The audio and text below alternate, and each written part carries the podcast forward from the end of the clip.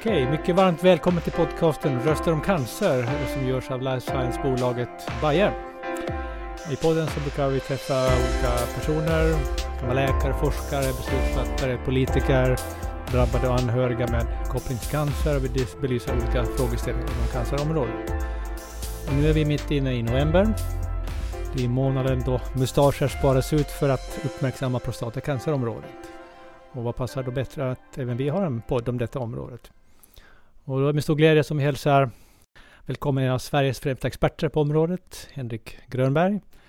Henrik är professor i cancerepidemiologi vid Karolinska institutet och även överläkare och chef för Prostatacancercentrum på KP Sankt Görans sjukhus här i Stockholm. Välkommen Henrik, kul att ha dig här. Ja, tack ska du ha. Och även varmt välkommen till Kent Levén. Du är styrelseordförande för Prostatacancerförbundet och har fel erfarenhet hur det är att vara patient. Hej och välkommen du också. Tack så mycket, tack. Jag slänger ut några tal, siffror här så kan vi belysa dem i ett senare skede. 120 000, 10 000, 2200. Man kan dölja sig bakom de talen. Det kan vi fundera på ett tag. Vi kommer att återkomma till det om en liten, liten stund. Men nu sätter vi igång. Henrik, eh, kanske ska börja med dig. Hur jobbar ni på Sankt Jörgen när det gäller omhändertagandet av mer med prostata? Kanske kan berätta lite kort om tillvägagångssättet? Jag fick ju den, den stora förmånen att 2017 börja bygga upp ett, ett riktigt prostatacancercentrum där vi sa redan från början att vi ska ha allting från tidig diagnostik till behandling, uppföljning och behandling även utav spridd sjukdom på samma ställe.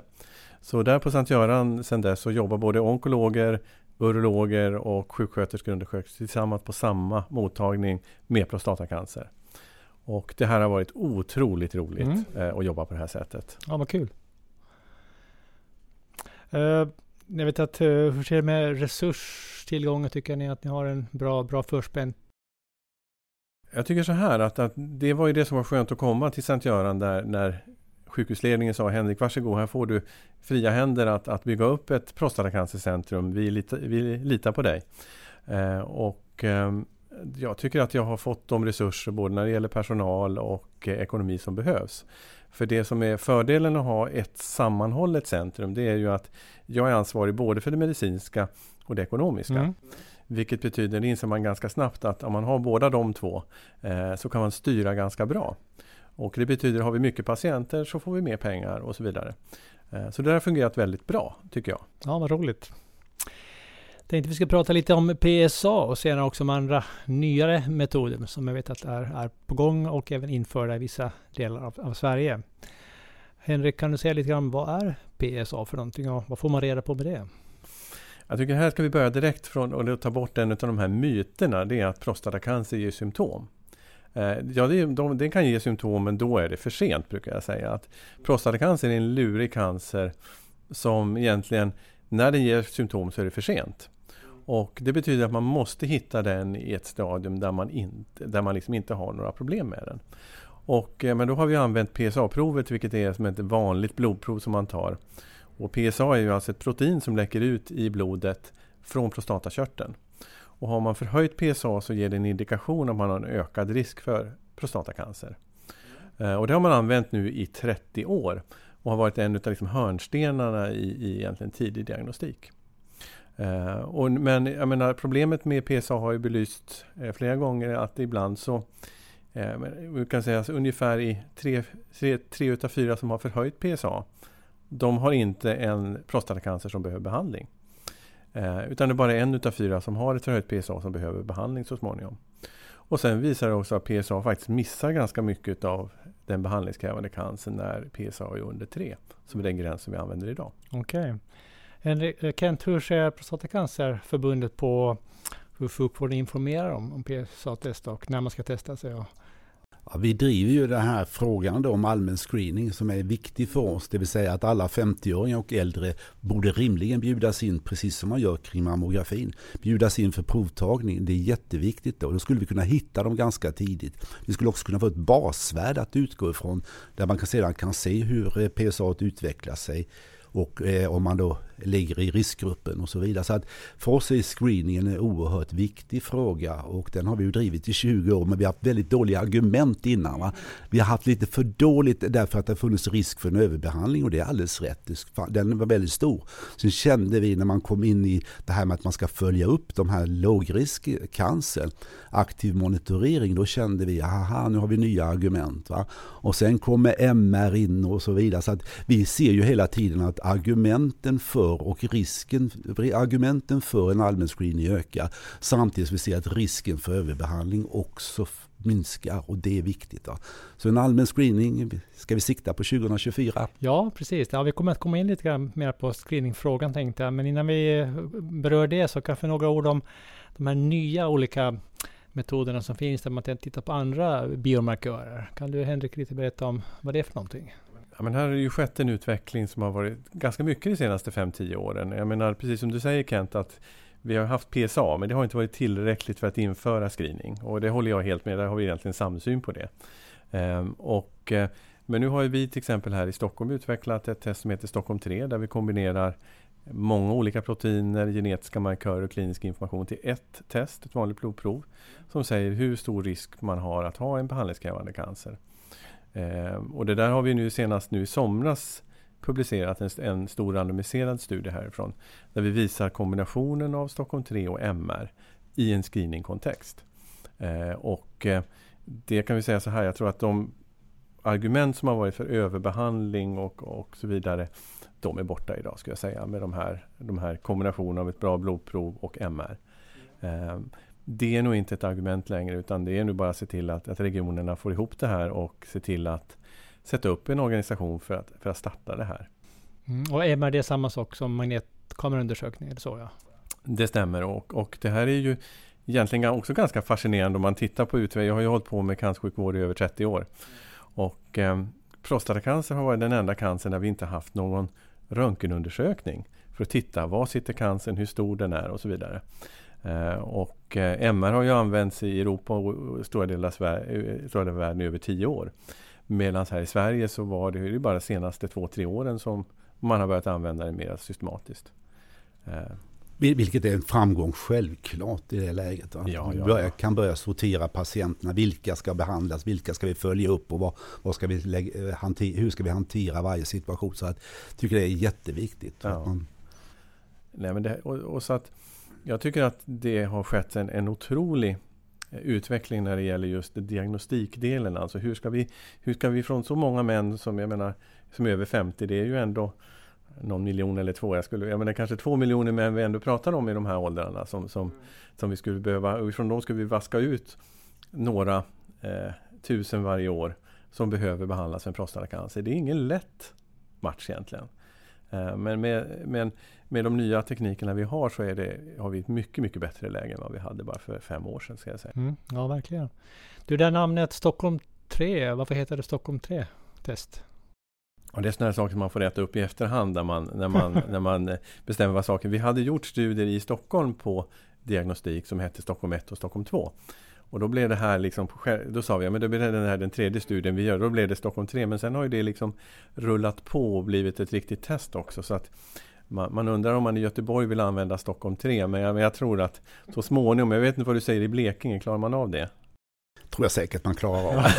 det är inga problem. Det är inga problem. Nej, nej. nej. ni, har ju, ni har ju andra saker i, i Blekinge istället. Ja. Karlshamn till exempel. Ja. Purs. Mm. Ja. Hur gör man för att få tillgång till den här undersökningen eller testet?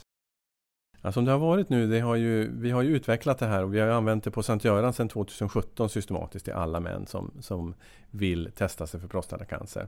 Så i Stockholm så är det ju enkelt att göra det för då kan man bara ta kontakt via vår hemsida på Sankt Göran och gå in ehm, och helt enkelt läsa om det och själv via BankID eh, svara på frågor, få ordentlig information och själv beställa testet.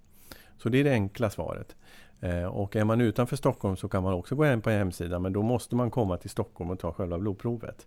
För det finns ingen logistik att ta ett, ett prov nere i, i Skåne eller upp i Umeå eller något liknande än. Precis, och det är inte så praktiskt att komma till Stockholm alla gånger. Men det, det kanske, den här provtagningen eller testet kanske implementeras även på andra orter så småningom. Jag vet ju att framförallt i, i Värmland så har man ju kört det här nu under två, tre år och med väldigt goda resultat. Mm, ja, vad roligt. Så, så, att, så att det, det, är ju, det här är ju frågan om logistiklösningar och det är klart att man klarar av det. Du, du inledningsvis så nämnde de här talen 120 000, 10 000 och 2200. Vad, vad, vad döljer sig bakom de talen? Ja, Ja, det är ju så här. Idag lever i Sverige 120 000 män som har fått diagnosen prostatacancer. När det gäller 10 000-siffran där så är ju det antalet som drabbas av prostatacancer årligen. Det är en stor siffra. Och när det gäller 2200 då är det antalet avlidna i denna sjukdomen. Då. Fluktuerar lite sådär, men, men vi har sagt att 2200 är den rimliga siffran just nu. Och om vi fick in en allmän screening som jag kommer tillbaka till för ganska ofta, det, då skulle vi kunna minimera antalet avlidna förmodligen med hälften, det vill säga kanske tusen liv skulle gå att rädda årligen. För det är alltså lite drygt 20 procent av de nydiagnostiserade som, som, är, som är avlider, alltså ungefär den, det förhållandet. Så det är ganska, ganska stor andel då, eller hur?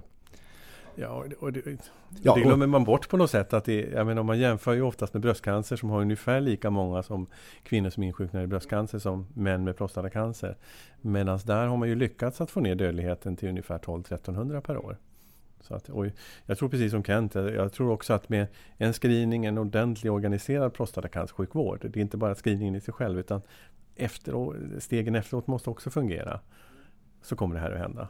Ja, och det ser vi ju nu lite grann på den här OPT, organiserade prostatacancertestningen som man kör i Västra Götaland och nere i Skåne. Va? Där ser man ju lite grann, det blir ju en provbänk för att se hur vi ska hantera det. Nu är det inte en screening utan det är alltså en inbjudan att komma och ta sina prover där. Men vi lär oss väldigt mycket av det i svensk sjukvård tror jag. Jag tror också det. Att, men samtidigt får man ju säga att det är ju inte, det är en utmaning att, att 22 eller 23 regioner ska göra de här typen av OPT, tycker jag. Eh, för att det är inte alla som har varken eh, egentligen kraft och ork att göra det. Nej, det är, det är klart att det är ett problem att, eh, så som det är organiserat just nu. Men man ser ju att då, de här Skåne och Västra Götaland gör ju precis likadant. Va? De samarbetar ju kring det här och för andra regioner så kan man hämta väldigt mycket kunskaper och hänga på detta. Bäst vore om man hade en, en, en, kunde komma överens mellan regionerna och ordna detta centralt på något sätt. Då hade vi kunnat vinna väldigt mycket. Alright, vi kanske ska ge oss in på det här med screeningfrågan som är ett, ett om, omdebatterat ämne som vi redan lite grann kort, kort berört här. Vi har ju kvinnorna som går på sina mammografiundersökningar efter 40 år. Och, men för män finns det inga några rutiner nu för allmän screening i varje fall. Du nämnde det här med organiserad prostatacancertestning och, och så. Men hur jobbar Prostatikaförbundet annars med att, att få lite fart på den här frågan? Ja, vi driver på ordentligt och försöker på alla sätt få igång den här diskussionen. Vi kommer nu förmodligen att träffa Socialstyrelsen. Vi gör i, inom ramen för Mustafkampen så gör vi också en namninsamling. Vi hoppas på 25 000 underskrifter och då kommer vi att uppvakta Lena Hallengren, hoppas vi på, och överlämna det här. Så att vi ser ju till att den här frågan inte eh, tystnar utan att den får eh, drivas i ett ganska högt tempo. Det är jätteviktigt för oss. Då, va? Så där ligger vi på ordentligt och också ta med oss lärdomen kring den här organiserade prostatacancertestningen. Vad får vi för argument där? Sen har ju Henrik väldigt tydligt också väldigt många goda argument på hur vi ska nå fram till ett bra resultat här. För screeningen kommer. OPT kommer inte bara läggas ner och försvinna utan det är liksom plattformen och sen kommer den att byggas ut. Det är min bestämda uppfattning och förbundet så att den går över sen i en allmän screening. Det är bara frågan om när och vilka åldersgrupper man kommer att ta. Förmodligen börjar man med 50-åringarna och så bygger man uppåt. Plockar några åldersgrupper då. Nej, men jag håller helt med. Jag, jag tror också prostatacancerscreening kommer. Jag menar, jag vill ju helst se den idag om jag ska vara riktigt ärlig. Jag tycker kunskapen finns och otålig, alltså jag är så pass otålig så att jag tycker kunskapen finns idag faktiskt. Och det är, jag tycker man bör kunna lägga in ett, en högre växel än vad man har idag. Vi blir lite försiktiga när vi säger 2024, va? Men, men det hade varit bra om vi hade haft det redan på plats idag. Jag, jag tycker det också. Och, eh, jag tror så här, man kan ju lära sig lite grann av de, de screeningprogram i Sverige som har varit lyckade. Tittar man på när man införde mammografiscreening på 70 80-talet i Sverige så var det lite grann entusiaster som började. och liksom tyckte att ja, men det här ska vi jobba med. Och så höll man på med det och så skapar man dem. Och samma sak när det gäller cervixcancerscreening för livmoderhalscancer. Så var det också entusiaster på något sätt. Så jag tror att det här måste drivas lite grann utav eh, sådana som, jag menar både Göteborg och, och jag menar Lund brinner, jag brinner för det här. Det måste få, det måste få liksom ta fart någonstans ordentligt. Och här behöver vi ju all hjälp, även från professionen då. Ja. För här finns ju olika uppfattningar från ja. professionens sida att det här kan man se i några tv-program utan att nämna några, men där man liksom, när vi ena kvällen diskuterade så dröjde det inte många timmar förrän motparten kommer upp och resonerar att det här är alldeles onödigt. Vi ser ju sådana tendenser. Va? Så vi behöver all hjälp vi kan få och vi måste få upp screeningen ordentligt på banan och den kommer vi inte att tysta med på något sätt utan nu kör vi hårt. Ja, det gläder mig verkligen. Och, och jag brukar säga så här att, att eh, varje år som vi inte inför screening så förlorar vi ett antal liv faktiskt. Jag brukar säga någonstans mellan ja, 5 och 5 till 600 liv tror jag vi skulle kunna spara varje år. Bara om vi inför screening. Ja, kanske till och med upp mot tusen. Kanske, och det är ju liksom, för varje år vi väntar så är det faktiskt, man glömmer bort det, det finns människor. Eh, det är inte bara siffror utan det är människor, det är män eh, som, som ligger bakom det här. Och när, när man sitter på mottagning så blir man ju ibland väldigt ledsen i ögat. När man ser män som har ja, inte kommit i tid helt enkelt. Vilken är den största svårigheten att införa eh, generell allmän screening? Vad säger du Kent? Jag, jag, tror, jag tror mer att det handlar om eh, att få bort det här motståndet, risken för överbehandling som man har haft, att få en attitydförändring. Jag tror den är viktigast av allt. Sen tror jag det andra rullar och med den erfarenhet som jag sa innan med den organiserade prostatacancertestningen där vi hittar system för det här ska hanteras. Sen kan man ju tänka sig också Henrik att AI kommer in här, att artificiell intelligens kommer in också som ett väldigt viktigt redskap i det här framöver, det tror jag. Det tror jag också. Nej, men jag håller med. Jag tror det här motståndet från professionen och det är både inom jag menar, bland urologer som håller på med prostatacancer finns det ett ganska starkt motstånd. Ehm, och eh, bland allmänläkare, men det är många, många män som säger att jag har gått till min allmänläkare och sagt att jag vill ta ett PSA. Och säger de, nej det tycker jag inte du ska göra, det är onödigt. Så det är ju en viktig sak. Sen så tror jag också att om vi nu ska använda, vi kommer ju använda MR i ett framtida screeningprogram, det är helt klart. Men där är, det, där är det en resursbrist idag. Den kommer att vara ganska betydande de närmaste 5-10 åren. Eh, så jag tror att ska man hitta ett, ett screeningprogram som liksom får lite fart då behöver man någonting som sorterar innan MR. Och Stockholm 3 är ett, ett exempel, det finns andra också. Eh, jag tror inte det är realistiskt att tro att man kan ta bara PSA och sen MR. Vi har gjort studier på det och visat vad som händer i ett screeningprogram och då betyder det att om man Stockholm 3 istället så kan man ta bort ungefär 60 procent av alla MR i ett screeningprogram. Eh, och det betyder ganska mycket för det här är liksom tiotusentals MR per år som man måste göra. Eh, och det har inte sjukvården resurser till idag. Du nämnde lite grann om artificiell intelligens maskininlärning. Kan det vara någon hjälp på vägen för att skynda på eller snabba på det hela? Om jag ska vara riktigt... Ja, det, det, är möjligt. Det som vi har hållit på med artificiell intelligens det är egentligen att titta på vävnadsproverna. Eh, efter man har tagit vävnadsprovet och titta på patologin. Där har vi ju, vi publicerat och andra grupper också, att en, en dator med bildanalys kan egentligen ersätta en patolog. Och kunna se om det är cancer eller inte och hur farlig den här cancern är. Så att jag menar, kan vi införa det plus artificiell intelligens också med tolkning utav bilderna, MR. Så då tror jag att, jag menar, blodprov, eh, MR med artificiell intelligens med läkarstöd. Sen måste, det måste en urolog sticka i prostatan för att ta ut vävnadsproverna. Jag har svårt att tänka mig virtuellt eller något.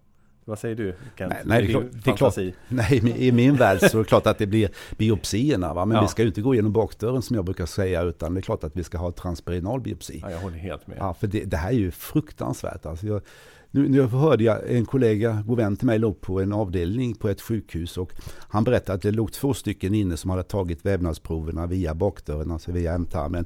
Och eh, låg där med sepsis. Då. Alltså jag, jag skickade omedelbart ett mail till ansvarig läkare och talade om att nu får ni sluta gå den vägen utan nu är det transperinal biopsi. Och det var, jag skickade en söndagkväll och redan måndag morgon svarade han vi tar tag i detta. Så att vi måste hitta de formerna också. Så det är klart att vi måste sticka folk men vi ska sticka rätt, det är det det handlar om. Vi ska, sätta, vi ska sticka rätt män ja. på rätt ställe. Ja, det är en bra formulering. Det var en bra, bra summering. Precis, för det, den sitter ju lite illa till den här prostatakörteln. Det är, det är ett av de problemen förstås som, som finns när man ska ta sina, sina prover. Och det kan vi inte göra Det kan man inte göra någonting. någonting, åt, nej exakt. Nej, det kan vi Naturen har sin, sin, sin gång. Och där tror jag det här, både det här du pratar om transperineala biopsier, för de som inte vet vad det är för någonting, det är alltså att man i vanliga fall så har vi tagit eh, biopsierna via ändtarmen och genom ändtarmslemhinnan in i prostata. Eh, men det är klart, det finns mycket bakterier där och när man sticker in i ändtarmslemhinnan så får man in bakterier i prostata och i blodbanan. Och ungefär någonstans 4-5% av alla män som tar biopsi den vägen får blodförgiftning. Och Och det är inte acceptabelt alltså. Inte i svensk sjukvård. Då. Nej, och istället så har man utvecklat en, en teknik att gå i, helt enkelt i huden runt omkring ändtarmsöppningen. Så kallade perineum. Det är därför kallas transperineala biopsier. Eh, och där i den huden så kan man bedöva det i lokalbedövning. Och sen så eh, ligger mannen i gynställning. Och sen så kan man då eh, via ett ultraljud i ändtarmen eh, se vad prostatan är och sen kan man sticka genom huden rakt in i det området som cancern finns. Och du får en bättre träffsäkerhet. Du kommer åt mer av prostatan den vägen. Det är inte oväsentligt. Nej. Så att det är ju ett bättre sätt och egentligen är det igen lika fascinerande att vi inte använt någon röntgenundersökning. Och vi har inte använt egentligen det enklaste sättet att komma till prostatan egentligen via, via huden. Och Det, Så, så är det. Men så, så, det, ska vi, är det. det, det här ska vi ändra på. Ja, precis. Och det har vi ju på Sankt Göran så startade vi med transperineala redan för ett år sedan. Och eh, nu får alla, såna, alla patienter hos oss transperineala biopsier, det är självklart. Härligt. Hörrni, det finns ju idag många bra behandlingar för prostatacancer, även för olika stadier av sjukdom. Men vilka alternativ finns egentligen?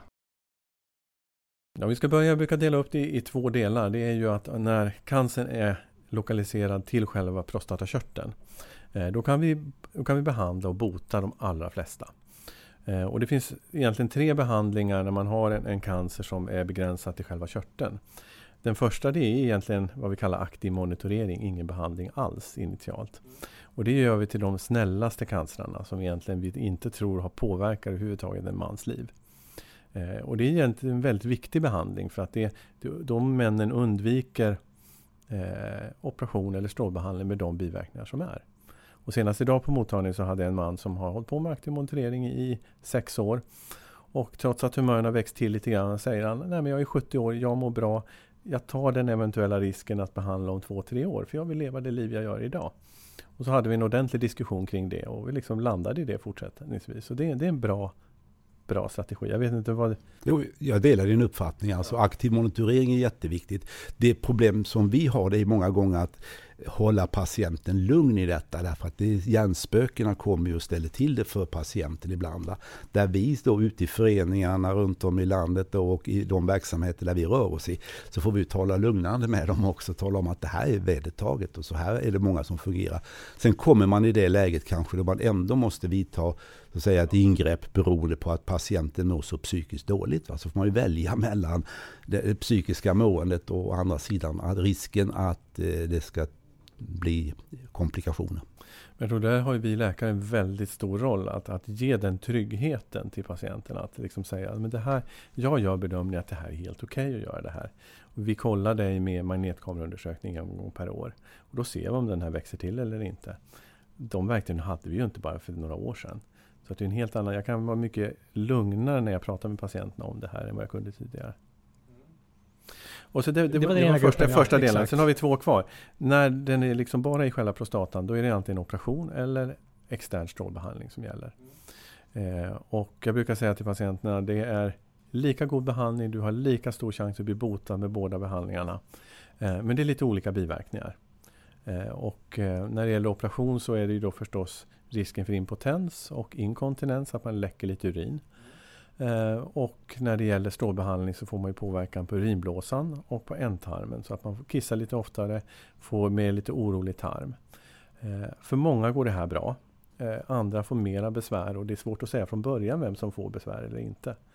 Och, så där är liksom kanske de flesta utav de här 10 000 männen, de tar vi den här diskussionen kring den, de här olika behandlingarna. Hur ska man hantera de här ja, eventuella biverkningarna och komplikationerna som kan tillstöta? Det är viktigt att informera före att det här kan hända. Eh, så att man är liksom medveten om vad som är riskerna med de olika. Eh, och sen så när det gäller operation så har man bäckenbottenträning före operationen och efter operationen för att minska risken för inkontinens. Vi har alltid en, en sköterska som har potensinformation eh, före. Det är jätteviktigt att även före operationen berätta prata om potensmedel, kanske till och med börja använda det innan operationen. För sen när man väl är efteråt så är det ett större eh, liksom, steg att börja med det här. Och för strålbehandling samma sak, så har vi information och ger läkemedel, ibland i förebyggande också. Så att om vi är bra eller dåliga på det här, det tror jag för patienterna får, får liksom vittna om. Vad säger du Kent? Vad är din, din erfarenhet från dina medlemmar? Ja, ja, inte mina allihopa, men, vi har 27 föreningar. Alltså att, men, men om vi tittar på den biten så klart att det här är ju någonting som upptar väldigt mycket diskussionstid. Då. När man har allmänna möten och man har samtal och så, så är det ju två saker. Det ena är urininkontinensen och det andra är potensen då, som är de stora problemen. Men jag kan väl säga att det, det är ett fåtal som ångrar sig därför att det är liksom valet mellan ska jag leva då vidare, för det finns ju risk alltså om jag inte gör någonting, kontra då att jag blir impotent eller inkontinent och då är det väldigt viktigt att vi här kan ge information vad som finns att tillgå. Bäckenbottenträningen självklart finns appar för den delen då, för att hålla det, hitta rutiner för att göra denna delen då. Skulle det gå åt skogen finns det andra sätt att hantera urinläckage också om det är ett stort och allvarligt problem för patienten. Och när det gäller potensen så är vi ju, då är det potensläkemedlen som är de det vi använder oss utav då i varierande grad. Jag tror vi hade en, en studie som gjordes, den är inte sådär vetenskaplig, den gjordes för några år sedan och det var ju eh, potensproblematiken ungefär efter operation radikal prostatektomi, ungefär 80 procent som hade någon form av svikt på den delen. Då. Jag vet inte om Henrik har andra internationella siffror och sådär, men den var inte vetenskaplig för den gick ut till föreningsfolket i, i Norden. Men jag tror så här att, att vi får ju ändå komma ihåg att det här är ju män i, i 50 år och över och där, men även i den allmänna befolkningen så har du ju en, en, en sviktande potens med, med stigande ålder. Oavsett om du har prostatacancer eller inte. Eh, och sen så lägger du på då förstås den här typen av behandling. Så jag skulle vilja säga att, precis som du säger, att tre fjärdedelar är de siffror jag brukar använda påverkas potensen för efter en operation. Det stämmer nog ganska väl. Ja, det gör det. Ja. Jag tänker kring sin läkemedelsbehandling och så. Finns det någonting att speciellt tänka på vad gäller eventuella biverkningar, interaktioner med andra läkemedel, någonting där som man bör uppmärksamma? Nej, det var som, jag satt här med, med Kent på, på lunchen här och vi diskuterade vad som hade hänt i prostatacancer. Och jag menar, du sa att du måste läsa på, det har kommit mycket nytt. Och det här är en av de kan säga, roligaste delarna utav prostatacancer. Det är ju att vi har fått många nya läkemedel som vi inte hade för tio år sedan. Och eh, om en patient hade kommit, nu pratar vi, går vi från den, den patienten som har en lokaliserad där det är bara begränsat till själva körteln till när det är spritt utanför körteln. Eh, alltså en spridd prostatacancer där vi oftast inte kan bota. Eh, där har vi nog nya både cellgifter, hormonläkemedel, eh, radioaktiva isotoper eh, som vi inte hade förut. Och det här har gjort att jag brukar säga till om en patient kommer till mig med spridd prostatacancer första gången så säger jag, hade du kommit till mig för tio år sedan, ja, men då hade du haft i genomsnitt ungefär ett och ett halvt, två års överlevnad. Idag ligger vi på fem, sex. Så det har skett alltså kraftiga förbättringar. Och jag har många av mina patienter som lever över tio år idag. Eh, med spridd prostatacancer med ett jättegott livskvalitet. Eh, så att det här är ju liksom hopp som man får ge. Sen är man, är man 50 år och får det här beskedet så har det förstås en annan valör än om man är 75. Men trots allt så, så är det det hoppet jag, jag ger till patienterna idag.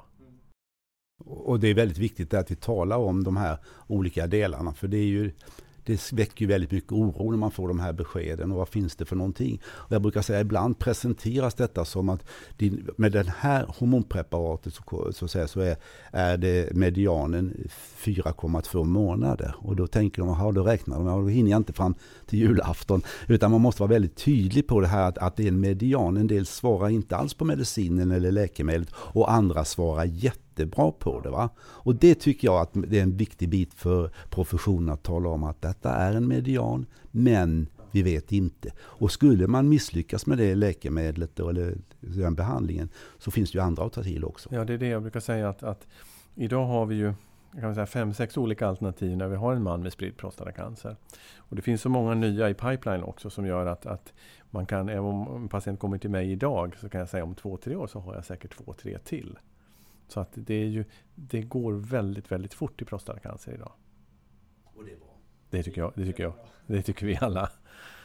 Man talar mycket om mer det här individanpassad eh, läkemedelsbehandling. Precisionsmedicin är ju en, en ett, ett, term som används ganska mycket inom cancerområdet. Är det någonting där på kommande, tror ni, inom prostatacancerområdet? Som ni vet redan nu? Det är jag helt övertygad om att, att det är det som är framtiden. Jag brukar säga att om vi har en situation som vi har i bröstcancer idag där vi har kanske 15 olika läkemedel för en kvinna med spridd bröstcancer. Så måste vi ha markörer, vi måste ha biomarkörer på något sätt att säga det är större sannolikhet att du svarar på den här behandlingen och den här behandlingen.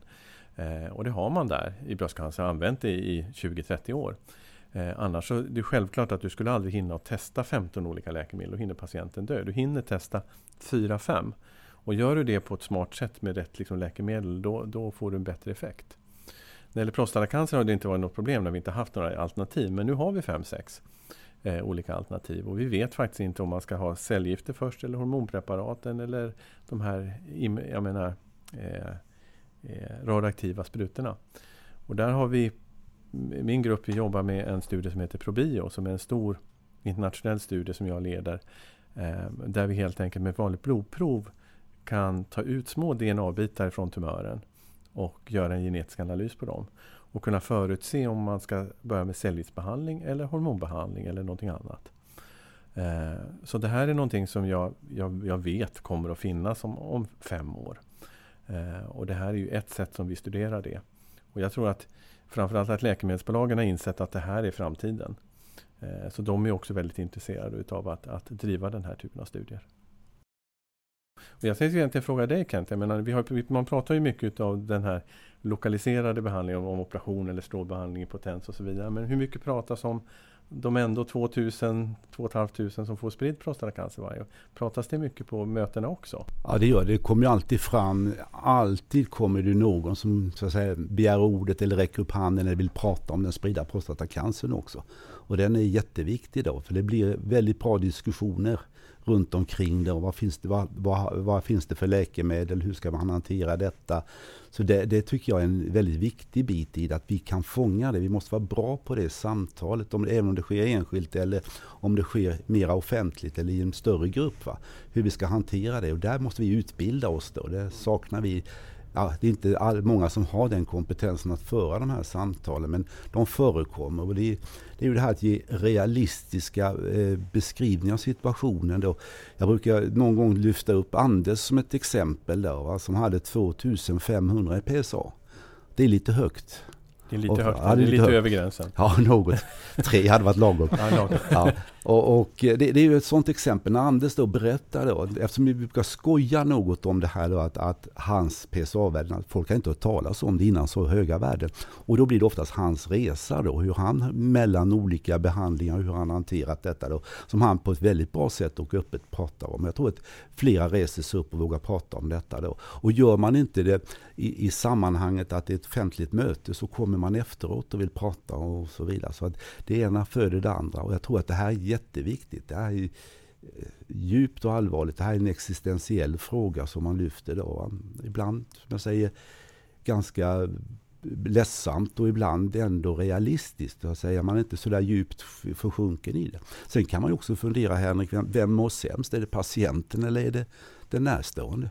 Jag brukar ställa den frågan också. Det är inte säkert att det är patienten i de här situationerna som mår, mår sämst. Utan ja, hur mår, hur mår sambon, frun, det, är ju sådana bitar också i det hela som man måste ta hand om och diskutera. Jag tror du har helt rätt här. Att, att, och det är någonting som vi har lärt oss, i alla fall på Sankt Göran, att vi erbjuder det med kuratorstöd både till patienten och sambon, frun och så vidare. Och eh, det är väldigt uppskattat. För att det är klart att får man ett sånt här besked att man har en sjukdom, cancersjukdom som man inte kan bota. Det tror jag alla skulle tycka är väldigt jobbigt och jag menar existentiellt. Jag menar, ställer frågor. Ska jag dö imorgon? Ska jag dö om till sommaren? Hur blir det nästa jul? Hur blir det med barnbarnen? Alla de här frågorna som kommer upp. Eh, och det måste man bolla med någon utomstående utanför familjen. För man klarar inte av att hantera de där frågorna eh, med liksom närstående eller liksom kompisar. Utan det måste till professionell hjälp oftast, måste jag säga. Och jag blir faktiskt glad över att du berättar att även på de här, på de här mötena att, att ni har eh, diskussioner om det här. För jag tycker att det är lite bortglömt i diskussionen eller i liksom debatten. För att det här är ändå en stor grupp. Det är en jättestor grupp och eh, de måste få en adekvat information kring det här. Det måste finnas en diskussion och dialog. Så det är också vårt ansvar i, i, i vår verksamhet att också lyfta de här frågorna, att diskutera dem. Eh, jag håller med dig definitivt Henrik. Eh, finns det, ja, finns det vad ska jag, personal och resurser för att göra all den här gensekvenseringen och analyserna som behövs? Det är kanske nya, nya personalkategorier på fokusen också? Bioinformatiker och andra jag skulle tro, här kommer, jag menar, det här är lösbart. Det, det är det, det är klart att det är. Eh, vi har ju, i min forskargrupp är vi ungefär 15 stycken som jobbar med det här, bioinformatiker, genetiker och så vidare. Eh, men eh, det här går ju att automatisera som väldigt mycket annat. Det här är liksom, det är jättesvårt, det är väldigt komplicerat. Men det är ju inte mer komplicerat än att skicka upp en, en liksom raket till månen. Det, det går det också. Det gick på 60-talet. Så klart att vi kan lösa det här också. Och sen en viktig bit är ju också hur använder vi resurserna? Det är en jätteviktig ja, ja. bit. Där, kan vi, där, där, har vi väldigt mycket diskussioner runt omkring hur använder man resurser på bästa sätt. Va? Kan man göra på ett annat sätt? Kan man bespara sig för att gör man massa onödiga saker? Vi har journalhanteringen i Sverige är bara ett sånt exempel, ett exempel på hur illa det står till. Det borde vi rimligen ha löst. Jag, har, jag kan bara ta två exempel på just den här med, med hur vi använder resurser, hur vi kan tänka nytt. Vi bestämde från början då att, att, när det gäller den här testningen med Stockholm 3 så hade vi först, istället för en läkare som håller i den, så var det en sjuksköterska. Eh, som liksom, eh, man ringde till och ställde de här frågorna. Sen så blev det en undersköterska som fixar det här lika bra som en sjuksköterska. Och sen så har vi automatiserat det här på hemsidan istället. Och nu är det alltså en undersköterska som sköter hela den här processen fram till mannen ska göra en biopsi. Så undersköterskan tar och fixar magnetkameraundersökningar och allting sånt där och pratar med männen. Vi gör det jättebra. Och det är ett sätt att bespara. Jag menar, det, det, urologer är en begränsad resurs. Eh, men det finns mycket mer undersköterskor och de klarar det här jättebra. En annan sak som jag, jag pratade med min kollega idag när vi pratade om det här med, med administration i sjukvården och det. Jag skulle vilja ha en vision hos oss eh, att vi liksom säger att 80 procent av tiden som jag jobbar som läkare, då är det patientrelaterade eh, saker. Och det kan antingen vara direkt eller man kan ju ha, ta hand om provsvar och, och, göra, och vet det, prata med. Men 80% ska vara med patienter. Eh, 10% kan vara vidareutbildning och 10% kan vara övrig administration. Idag tror jag att det ser ut att vara kanske 30% med patienter, 40 med patienter, 30-40% med administration och väldigt lite vidareutbildning. Eh, och det här måste vi, det är ett tankesätt hur man jobbar och vem som gör vad. Vi bara måste komma bort ifrån det vi har idag. Jag håller med dig. Vi ser ju mycket sådant som jag sa innan här. Va?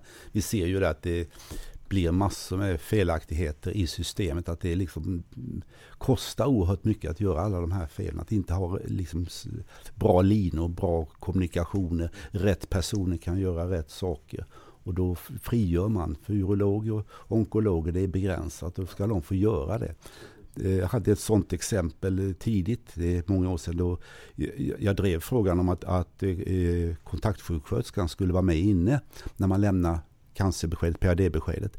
Så att hon eller han finns några killar också, då kan fånga patienten och att läkaren sen när han har lämnat beskedet så tar det en kvart och så lämnar den rummet och så kan den göra nytta någon annanstans. Medan däremot bearbetningen av detta som läkarna satt och gjorde innan, det behöver de inte göra. Va? Så jag tror det är en viktig bit. Det, jag frågar runt om i landet, gör man så? Nej, det gör man inte. va. Och Det tycker jag är ett sånt här organisatoriskt felaktighet, där fel personer sitter kvar allt för länge, som skulle kunna göra någonting annat. Och att den här sjuksköterskan blir ju nu min nya kontaktperson. Det blir min lilla ängel som finns på sjukhuset och som jag har all kontakt med. Va?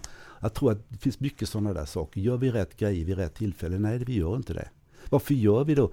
Varför sitter vi fortfarande och, och biopsirar genom ändtarmen då? När vi vet att 5% kommer att ligga på sjukhuset och kosta 20-30 000 kronor om några veckor. Några dagar. Ja, det är därför det är ingen som bestämmer att man inte ska göra så. Egentligen, det är lite grann om vem som bestämmer om vad i sjukvården. Det, det, nej, men jag håller med dig det här med, med till exempel PRD-beskedet. Vi har ju haft så från början att det är alltid en kontaktsjuksköterska med. Och eh, vi har den att vi, vi biopserar en patient på en tisdag.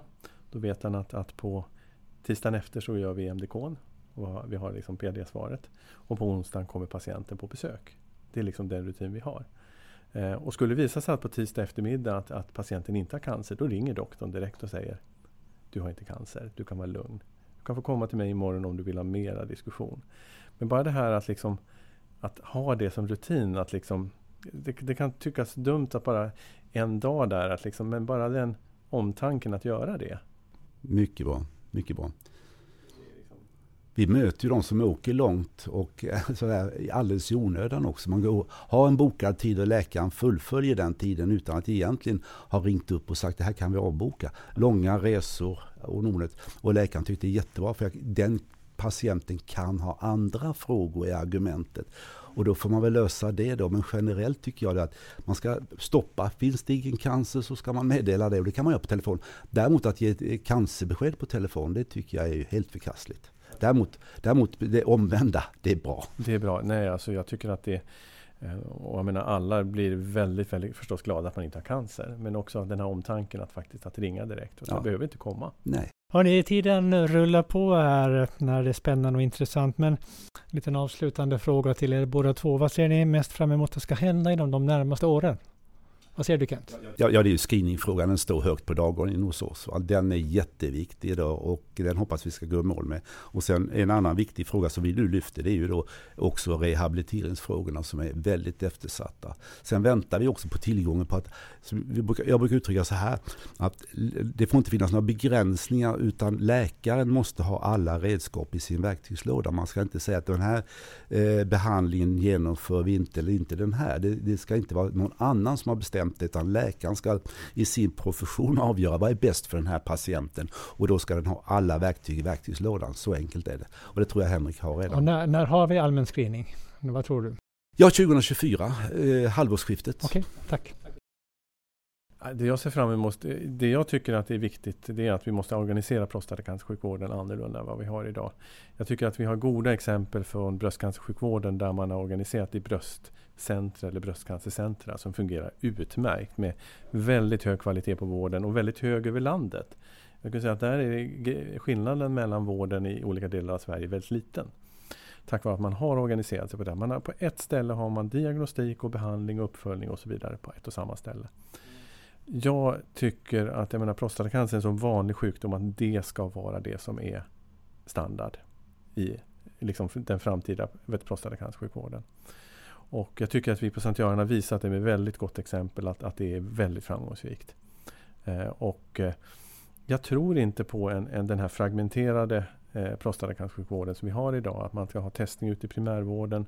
Urologen ska ställa diagnosen, ibland behandla, ibland är det onkologen och fram och tillbaka. Och så tillbaka till primärvården för kontroller och så tillbaka fram och tillbaka. Det här är helt förkastligt tycker jag. Så där tycker jag att där borde det är det jag skulle vilja gå upp på barrikaderna för och kämpa för faktiskt. Tillsammans med screeningfrågan, för den är jätteviktig. Jag håller med om att jag får väl hålla mig till, till första juli 2024.